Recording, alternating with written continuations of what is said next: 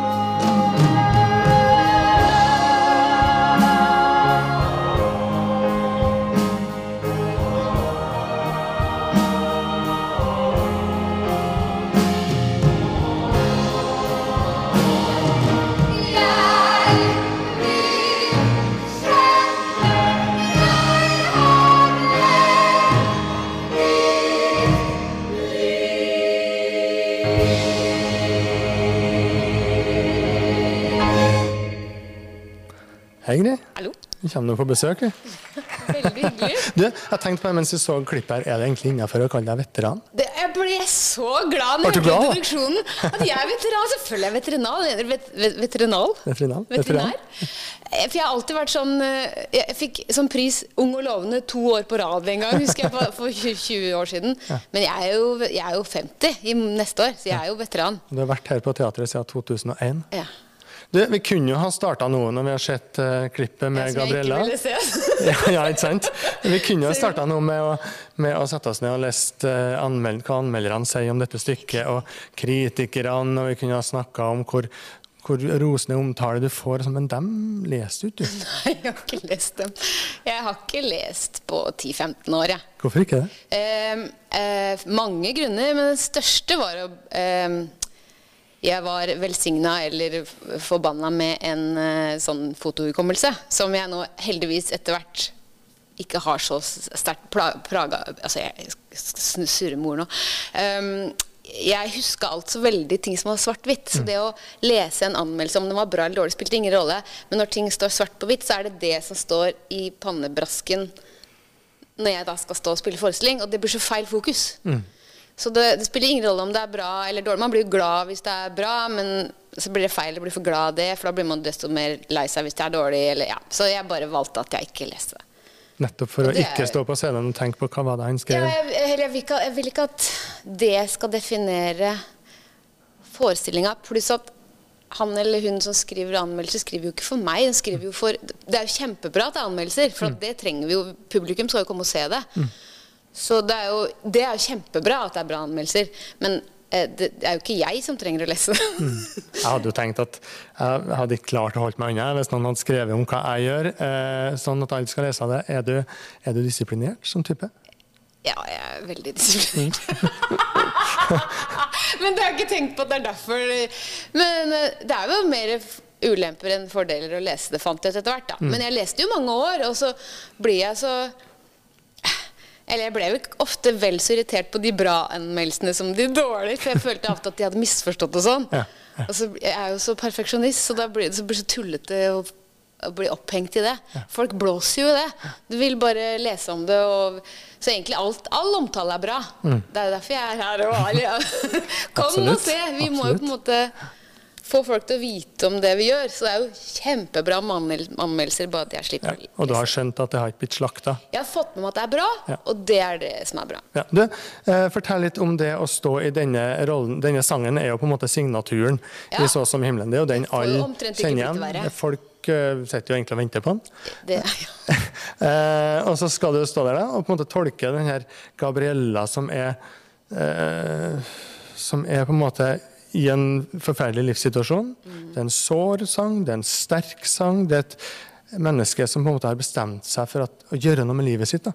Eh, hvordan er det å stå i det? Nei, det er jo å prøve å ikke tenke på at den har vært gjort så innmari bra før. Mm. det er bare å tenke på at det er akkurat her og nå. Det er jo det sangen handler om òg. Men det er jo lettere sagt enn gjort. Det er jo vanskelig. Det er jo ikke noe lett, men det, men det er jo Altså, det var, det var verre å stå inne i på Amadeus og stå inne i en sånn ballbinge i en bikini. Og det var mørkt, og det var masse sånne baller rundt. Og så skulle, skulle dørene gå opp, det skulle fosse ut baller, og jeg skulle synge opera. Så det, det, det er jo hatt det verre før. Men det er, forholdsvis, det er jo nervepirrende, det her òg. Men det er liksom Det er, om, det er liksom de, de rollene man har Du skal helst ikke drite deg ut, da. Det er liksom det. Det bør jo være bra. Hva tar du med av deg sjøl inn i den rollen? Eh, jeg tar alltid mye av meg sjøl inn i alle roller, jeg. For jeg, det jo, jeg har jo bare meg sjøl å bruke. Det er vanskeligere fordi tematikken til, til rollefiguren Gabriella det, Jeg har aldri blitt slått. Eh, takk og lov. Så jeg kjenner det ikke Jeg har ikke kjent det fysisk på kroppen, så jeg vil aldri kunne forstå det, men jeg kan forstå jeg er jo snart 50, så man har jo vært gjennom noen runder. Og, em, og det er jo ikke alle ting som har vært bra. Så man har hatt noen kjipe opplevelser, og så gjelder det bare å forstørre det ganger tusen.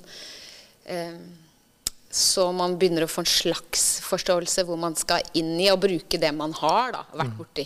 Men så har jeg, jeg, vært, eh, jeg har vært veldig heldig. Jeg har fått snakka med noen mennesker som har vært, Som har disse veldig- Som har vært utrolig sjenerøse og delt med meg. Og det gjør jeg alltid når det er noe, noe sånn tematikk som jeg skal inn i, som jeg har veldig respekt for. For at det er tross alt en fjerdedel eh, som har opplevd dette her. Det er et så stort tall. For det det handler om, er rett og slett en dame som opplever vold i ekteskapet. Vi skal se på en av scenene til. Ja.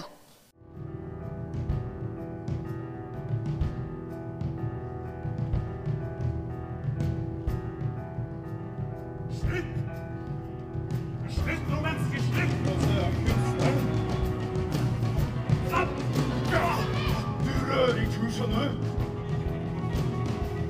ikke du? Ingrid, du er fra Ytre Enebakk. Jeg er fra Ytre Enebakk. Ja, det står for det. Ja, ja, ja. Jeg har ikke bodd der siden jeg var 18, da. nå er jeg 49, så det begynner å bli en stund siden. Men ja. Men det er i hvert fall bygd på Østlandet. Ikke så langt fra Oslo, men likevel bygd. To aktive Veldig foreldre. Eh, en bror som var bare litt yngre enn deg. Eh, og du har fortalt meg at du ble eh, tidlig voksen. Ja, jeg tror jeg var voksen da jeg var ett år. Jeg, tror jeg. Hva handla det om? Nei, jeg tar veldig, veldig selvstendig. Og heldigvis hadde jeg to foreldre som skjønte at hun bare lar vi være og ordne opp sjøl, for det, det går best sånn. Så jeg har vel egentlig tatt skjea i egen hånd hele livet. Det har aldri vært noen som har sagt til meg at jeg må passe på eller huske på, eller noe som helst, for jeg bare fikser sjøl. Du sa jo en gang at du visste ikke om du har hatt noen ungdomstid. Nei, det har jeg aldri hatt, men jeg har aldri forstått meg på ungdom. Nei. Um, Du ble voksen med en gang. da. Jeg var 80 år da jeg var 12. Jeg. Ja.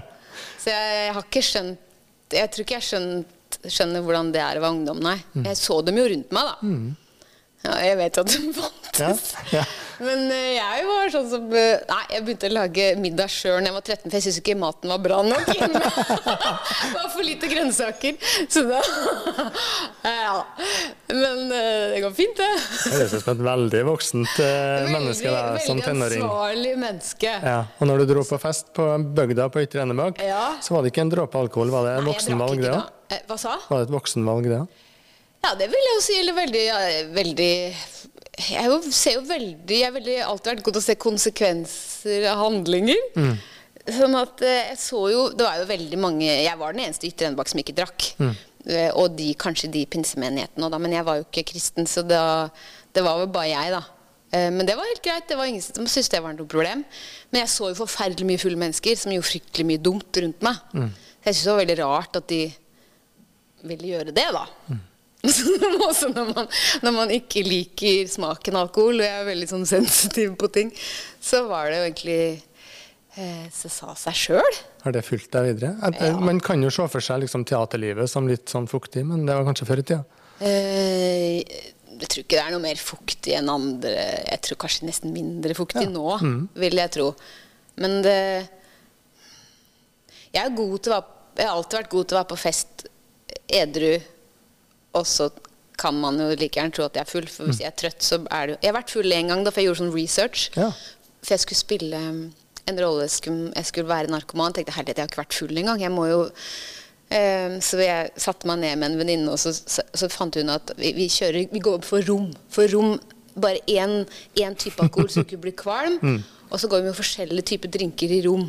Så det vi lærte av den kvelden, at jeg ble veldig fort full, veldig fort edru, og kliss lik uh, å være overtrøtt. Um, ja. Det var, det var det. Så det var heldig, men det var egentlig litt sånn lettelse, for jeg har spilt full ganske mange ganger, og så føler jeg at da, siden man ikke har vært det, så føler man at man faker det. Så det var egentlig godt å oppleve det. For ok, det er kjempelikt sånn som det er å være overtrøtt, bortsett fra at jeg klarte ikke å gå rett. Det er det eneste, liksom. Og Var det noe ved det som var fristende i det hele tatt? Og det var helt grusomt. Det var ubehagelig. Jeg har jo ikke noe behov for rus. Mer enn, Og jeg har jo ikke noen hemninger ellers. Jeg trenger de hemningene altså jeg, jeg, skjønner ikke, jeg skjønner ikke hvorfor jeg skal drikke, liksom. Men jeg, jeg, jeg skulle ønske at jeg likte vin, for jeg ser jo at folk har veldig glede av vin. Og så syns jeg gin and tonic lukter så godt. Så jeg skulle ønske jeg likte det. Jeg har faktisk en sånn parfyme som, lukter, som heter Juniper Sling, som lukter gin tonic kjempegodt, men det smaker jo grusomt. Altså, parfyme skal man ikke drikke, men ja. Nei, jeg har hørt det sagt. Eh, du, hvorfor ble det teater? Ehm, det kan vi ta, takke en lærer for. En lærer som alle var forelska i på ungdomsskolen, Ja. som hadde gulltann. Og vi hadde Altså, jeg vet ikke om han var så veldig kjekk, men vi hadde jo ikke så mye Alt er relativt. Så det var det ene kjekke mennesket vi så. Så da var alle forelska i han, og alle ville da holde på med drama, musikk og engelsk, for det fagene han hadde, da. Og så tok alle gitar på si og sånn. Og så satte vi opp masse teater eh, på ungdomsskolen. Og jeg hadde aldri sett teater. Eh, så, jeg så, jeg, så min erfaring med teater var å gjøre det sjøl. Så jeg husker at når jeg da endelig dro og så ekte teater og begynte på videregående, for da var det sånn Da kunne man dra til Oslo og se på teater, så ble jeg veldig skuffa og syntes det var så dårlig. for det var så mye gøyere å holde på med det sjøl. Men da Jo, han læreren med gulltann, da, han, vi satte jo opp masse. Så da, da var det man kjente på at dette er jo veldig, veldig gøy. Men det var ikke planen å leve av det. For jeg kjente jo ingen som Jeg trodde man måtte være bohem for å være skuespiller, og jeg var jo veldig ordentlig. Så jeg tenkte at det, det skal jeg i hvert fall ikke bli. Pluss at når jeg så mye som var dårlig, tenkte jeg at det er gud så grusomt å være skuespiller. Så tenkte jeg Planen var at jeg skulle bli psykolog, da. Ja. Så jeg hadde jo veldig god karakter, og jeg skulle bli psykolog, men så skulle jeg bare eh, tulle et år på folkehøyskole. Og så skulle jeg bare tulle og søke om jeg ser om jeg kom inn på en teaterskole. Og så kom jeg inn og så, altså, det, dette, var, dette er ingen plan. Det ble, blei sånn. Og hele tiden så hadde jeg plan. Ja, ja, men når jeg ikke får flere jobber, da kan jeg bli psykolog. Men så har jeg jo ikke vært arbeidsledig siden 1997. Du, Vi skal snart bli med deg inn i, til London, til, eller rett utover London, og til Ja. teaterstudiet her. Men først skal vi se én scene til fra, fra eh, Så som i himmelen. Men aller først, husker du at du kjente på noe spesielt når du sto på en sånn teaterscene? Ja, eh, og det er, eh, det er vanskelig å beskrive, altså. Men det er jo, det er jo noe åndelig over det. Men det er, det er en blanding av å være ekstremt til stede eh, Og så er det Det høres jo helt idiotisk ut, men det er faktisk et veldig trygt sted å være. Jeg syns jo verden er mye skumlere, for der kan jo alt skje. På en scene så vet du cirka hva som skjer, og, hvis, hvis det ikke går akkurat sånn som planlagt, så er det jo veldig gøy når ting går galt. For da er det jo kjempegøy, for da kan man redde det og improvisere det. Men jeg vet ikke, men så og så er det det at man er sammen. Man er, man, Ja, ja. er der en publikum, en del av den åndelige opplevelsen? ja, og det er, det, det er de du er sammen med, og publikum. Og publikum aner jo ikke dette, men publikum er jo med og lager dette magiske, åndelige hver kveld. Og Det er det som er så spesielt med teater. Og publikum aner ikke hva de er med på, men vi kjenner det jo. Vi kjenner jo energien. Eller i hvert fall gjør jeg det. Og det er veldig gøy. Og veldig Det er ikke bare gøy, det er jo veldig slitsomt og sånt, men det er, når det funker, og når det svinger, så er det en sånn Ja, det er en sånn eh, Det er en, noe åndelig over det. Vi skal gå inn i, i stykket igjen, og vi skal se den eh, voldsramma eh, Gabriella, som likevel drar i gang en sang for livet.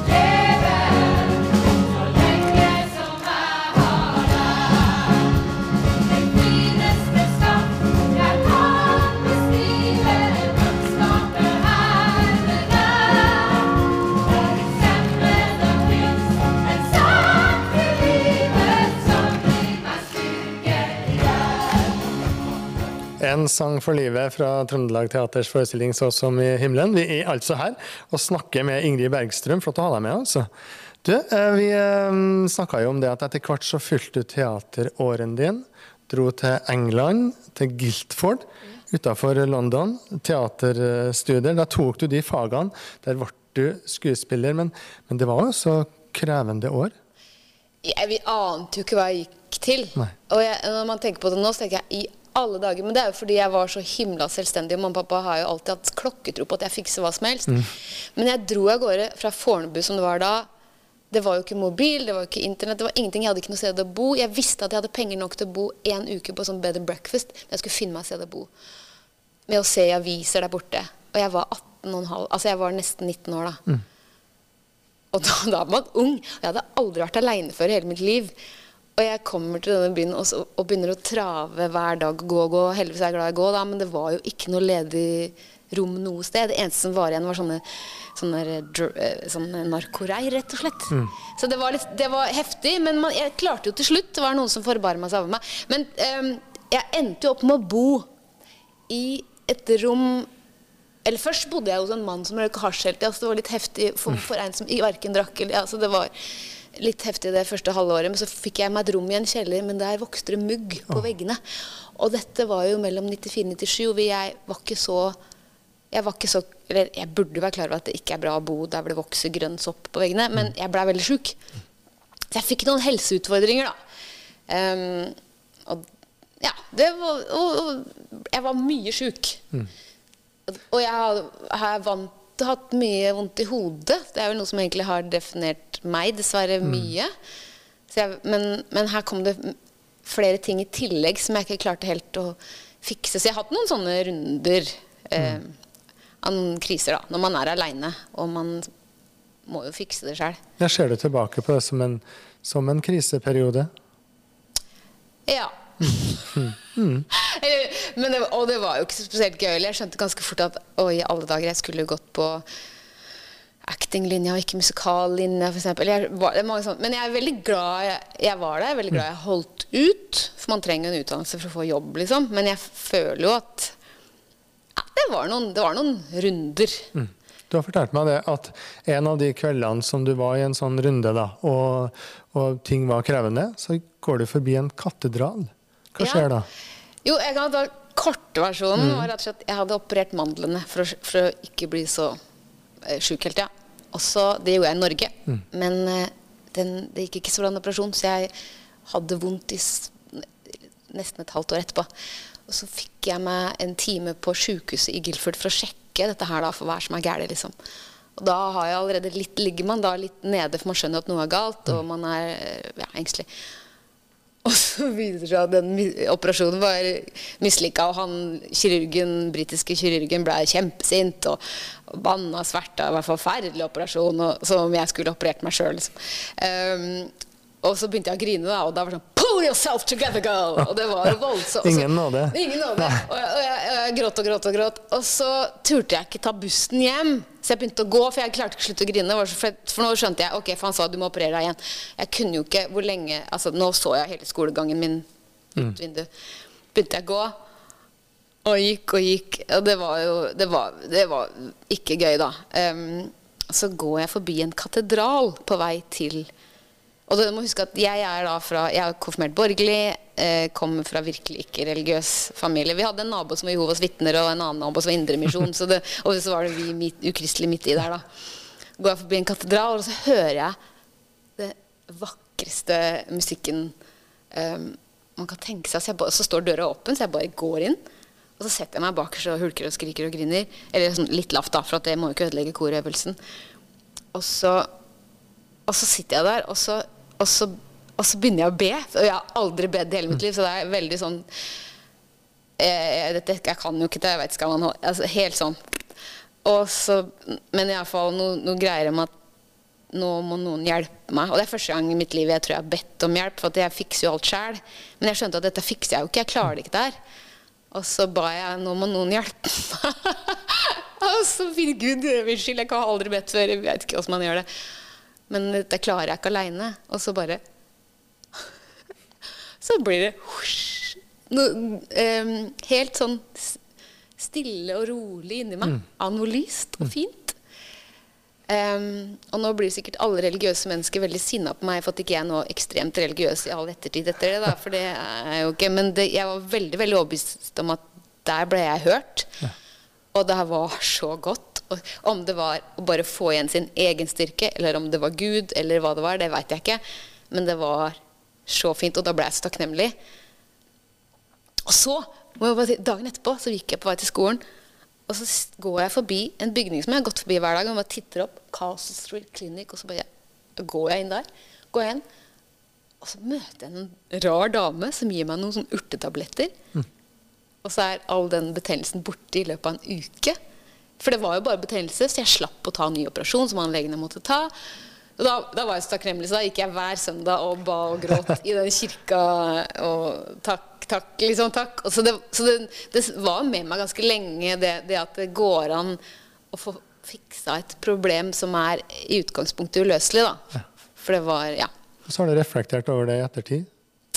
Ja, eller altså det er jo Og det som er Jeg gikk jo ikke Jeg ble jo ikke Jeg ble jo ikke kristen, for jeg blir så sint når jeg leser Bibelen. Så jeg, Ja. jeg, jeg, Hva som gjør deg sint? jeg blir jo sint av å lese noe som helt tydelig er skrevet av menn for veldig lenge siden. som, som jeg syns er ja, ja, ja. Feministen i meg blir, klarer ikke tenke at vi må se forbi det. Eh, så jeg blir bare irritert. Så jeg blir ikke frelst. av- Bibelen gjør jo at jeg da ikke blir frelst. Bare beklage det. Men eh, jeg tror jo at det fins noe, og det er veldig godt å vite at det fins noe som er større enn seg selv. Da. Så jeg, og jeg syns de som er så heldige at de tror på hele pakka, jeg, jeg, jeg er misunnelig på dem, for jeg, jeg tror de har et mye bedre liv. Um, men jeg hadde en veldig en sånn innmari sånn god tro i mange år, altså. Og, og det kom særlig når det var noe jeg var takknemlig for. Det kan Tro, jeg kjenne tro på. Gud, eller Ja. Um, ja. tenker du fremdeles at det er en høyere mening med alt det der, eller er det en eh, tilfeldighet? Jeg veit ikke. Nei. Um, så jeg, det, det er ganske rart, for jeg er veldig sånn mange jeg, går, jeg er jo ekstremt opptatt av å grave og finne ut av ting når det gjelder sånn veldig sånn vitenskap og sånn og sånn, sånn, så jeg liker å finne ut av ting. Men, men når det gjelder akkurat det der, så nytter det jo ikke, for jeg kan ikke grave i denne Bibelen som jeg ikke tror på, som jeg blir sint av. Så jeg, eneste jeg kan, er å vite at det var reelt, det som skjedde med meg. Jeg vet ikke hva som skjedde. Og jeg vet at jeg har det ikke like sterkt ennå, selv om jeg har minst like mye å være takknemlig for nå. jeg vet at i stunder Jeg har hatt noen runder i etterkant og hvor jeg har virkelig trengt det, hvor det ikke har vært der. Så det er ikke noe sånn jeg, eh, Det er ikke noe sånn eh, svart-hvitt, ren Ja, sånn er det. Det er noe veldig uhåndterlig. Litt som jobben min nå. Det er Du kan ikke helt sette fingeren på hva det er. Men det er noe. Du, du har jo, vi snakka jo om helt i starten at du, har, du er en veteran. da. Vi ble enige om det. Eh, og du har vært der i eh, 22 år, ikke sant? Ja. Eh, kom i 2001 og spilte Ester Ja. som aller første stykke. Fast ansatt i 2004. Ja, Litt research har jeg gjort. Bra. Ja, eh, takk.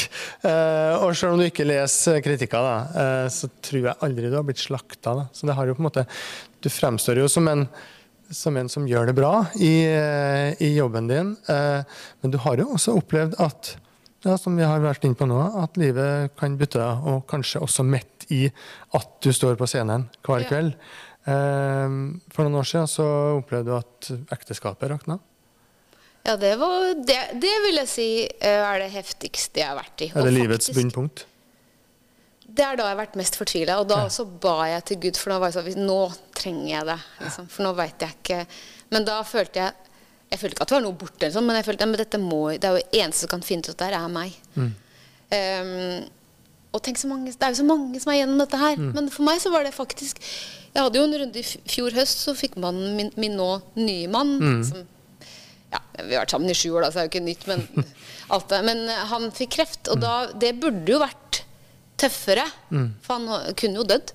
Og det var helt jævlig. Um, det, det, men det var en lengre det, det var noe annet enn den krisa som var før jeg fant ut at jeg måtte flytte ut og skille meg. Den, den var Det var livskriftet. Det var, eh, og det, tenk så mange som går gjennom det. Og ennå jeg er jo jeg er, så glad, jeg er så heldig at det er nesten sånn Man må nesten bare bli kvalm når man sier det. Men jeg For det første så har jeg en verdens nydeligste eh, ektemann nå. Og jeg har verdens nydeligste eksmann, som begge vil meg vel. Og det var aldri noe drama, det var aldri konflikt. Jeg har verdens nydeligste nå 16-åring, som var åtte da, som, som det går bra med. Men det var jo det jeg var redd for å ødelegge man er, Det er det man er redd for. Ødelegge det fine man har. Og fordi at du selv er ulykkelig. Liksom. Hvis det er tre mennesker, og to er lykkelige, og én er ulykkelig, hvorfor skal jeg gi min ulykke da Hvorfor skal jeg ta den på alvor, sånn at alle tre blir ulykkelige? Det var liksom de, den argumentasjonen som man øh, tenkte på, men så var det jo til slutt så skjønte jeg nå blir alle ulykkelige til slutt hvis ikke jeg gjør noe med dette her. Så- Var det noe du kunne støtte deg til midt i all den sorgen? Nei. Og det var det som det er, da, det er det jeg mener med Da skulle jeg ønske at jeg hadde vært sterkt religiøs eller noe sånt. Og stort på at dette går bra, for jeg stolte ikke på at dette går bra i det hele tatt. For det, er, det var å hoppe ut av et fly uten fallskjerm. Og mens du da gikk gjennom eh, eh, ekteskapsbruddet, så sto du på scenen i en familieforestilling. Ja, da veide jeg 43 kilo og hadde hatt bronkitt i fem eh, måneder, og alle trodde jeg hadde kreft. Men eh, så ville jeg ikke si det noe, for jeg ville ordne opp sjæl. Så det, var, det er også litt sånn Jeg vil si fra når jeg fiksa det. Jeg sa ikke fra til mamma og pappa heller før det var Nei, nå har det ordna opp i, nå veit jeg hva jeg vil. For jeg, så, jeg vil være sikker på at det er mitt valg, da. Så det har jo kanskje vært litt lettere å dele det med noen flere, men jeg, Det høres så veldig kontrastfylt ut. da, Og likeens, eh, som du snakker om, når, når det er han som er, du er gift med nå, hadde kreft i fjor, så var du, spilte du i en eh, scene der du på en måte en annen karakter dør. Ja, jeg og du skal forholde deg på også. Forholde deg til døden samtidig som mannen din Med en gang du går av, så er han Den var igjen. heftig, den. Altså. Det, det er første gang jeg har vært i sånn hvor det er mange ville kanskje sagt at er det ikke lurt å bli sykemeldt nå? For nå er det jo ganske vanlig sikkert. Men for meg så var de to timene var på teatret eh, det som gjorde at jeg holdt meg oppe. da. Eh, og jeg er jo ikke redd for følelser som er lykke, egentlig. For da, jeg har jo da har jeg lett tilgang på dem. Og så er jeg ikke redd for dem. Så det er ikke noe sånn at Jeg tror mange er redd for at hvis de begynner å gråte, så klarer de ikke å slutte, f.eks. Derfor så kan de ikke bruke seg selv De kan ikke bruke sitt innerste på scenen. Men det har jeg aldri vært redd for. For at det kommer jo og går, og det er jo en ut, utømmelig brønn av sorg inni her. Man Ja, du har bare- sagt at du bærer på mye sorg. ja, jeg veit ikke hvorfor, men jeg har alltid, alltid gjort det. Og det er lett tilgjengelig. Det er vel den, den følelsen jeg kjenner best. Det er ikke det folk ville beskrive meg som. Jeg tror Nei, sagt du framstår jo som det motsatte. Ja, ja. Men det, er, men det, men det henger jo det er jo yin og yang, det henger jo sammen. Ja. Jeg tror grunnen til at man er så lykkelig, er for at man også Vet du hva, jeg tror en av grunnene til at jeg er så lykkelig, er for at jeg har hatt så mye migrene i mitt liv. Ja. Så jeg er så vant til å ha det så Ja, du har en referanse. Og jeg har alltid jobba gjennom det. selvfølgelig. Mm. Jeg har aldri vært sykemeldt. Så det- når jeg står på en scene med migrene, er ikke gøy. Så når man da ikke har migrene, man blir så lykkelig. Mm. For man, det, er, da, man blir jo full av endorfiner bare å ikke ha vondt. Mm. Så mm, Trives du i sorgen? Nei, jeg gjør jo ikke det. Jeg prøver, men jeg skjønner jo at den må være der, da. Mm. Uh, men jeg oppsøker den ikke det er, sånn, det, er, sånn at jeg setter ikke på musikk hjemme for at jeg eh, For da vet jeg hvordan det går. Jeg begynner jo Ja, du kan ikke høre på musikk, du. Nei. Nei. Eller jeg kan, men jeg, det, jeg er forsvarsløs eh, Ja. mot det. Jeg begynner bare å grine. Og jeg, jeg, og hvis jeg skal være produktiv den dagen, da, som jeg liker å være Jeg liker jo å sy. sy Mm. mine, jeg liker å holde på med ting. Jeg kan ikke sette på musikk, for da blir jeg jo helt ubrukelig. Mm. Jeg må jo skjerme meg mot eh, Så selv om jeg ikke er redd for de følelsene, så driver jeg ikke og oppsøker Mm. Det som jeg har lett tilgjengelig, da. Mm. Hvis du går til motsatsen, Ingrid. Eh, lykke. Når opplever du virkelig lykke på scenen? Eh, på scenen Mm. eh, Når når, når den, den magien oppstår, da, som faktisk skjer oftere enn man skulle tro, som er Som skjer i de Det trenger ikke være noe store øyeblikk, men akkurat i Så som himmelen så er det eh, en store øyeblikk òg. Men det er når alle drar i samme retning. At alle er der sammen for hverandre, ser hverandre, lytter til hverandre. Det er så lykke i det. For det er så sjelden at folk Når man i, i, det, er, eller, og det, meg, det er det som gjør meg veldig veldig lykkelig i, i virkelivet. Og når noen er til stede akkurat her og nå og faktisk hører og, og fokuserer og gir kjærlighet, da, som jeg mener er liksom, å være nysgjerrig og åpen og sånn. Jeg syns det, det er så rørende og fint. Og det får vi på scenen av hverandre. Mm. Det er jo et sånt øyeblikk i Sånn som himmelen helt på slutten, eh, finalen egentlig, eh, når det starter liksom en sånn rolig bass, og så henger dere dere på, Ja. og det blir en samklang, og du har fortalt meg at det er nytt hver kveld. Det er improvisert improvisert Ja, hver kveld, så det er jo også å hoppe seg ut uten fallskjerm, da. Ja. Men eh, for da Og så veit vi jo ikke hvor lenge den skal vare. Vi, eh, vi vet bare at vi skal holde på da til Åsmund begynner med Pianisten. pianoet sitt. Mm. Og da, da begynner låta. Da vet, fra derfra ut så vet vi hva som skal skje, for da er det arrangementet skrevet. Men den klang... Øh, den, det badet av lyd da, som man lager sammen, det er ekte hver kveld. Og det er like gøy hver gang. Jeg blir kjemperørt. Så hvis du går på Så som himmelen, så kan du få forskjellige finaler for hver gang vi hører på den som eh, vi var til stede på.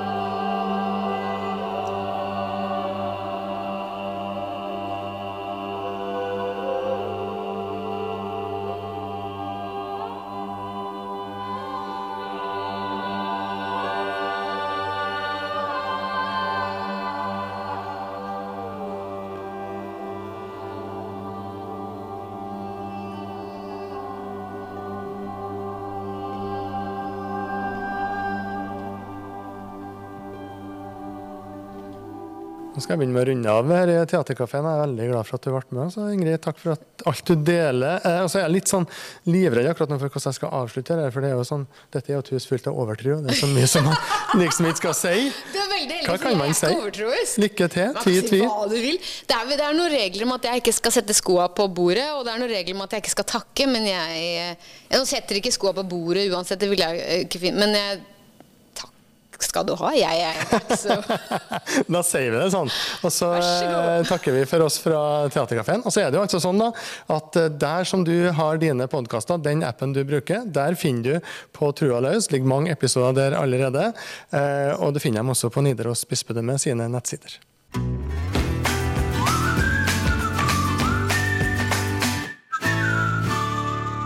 På Trua løs er en podkast fra Nidaros bispedømme. Programleder er Magne Vik Ravndal.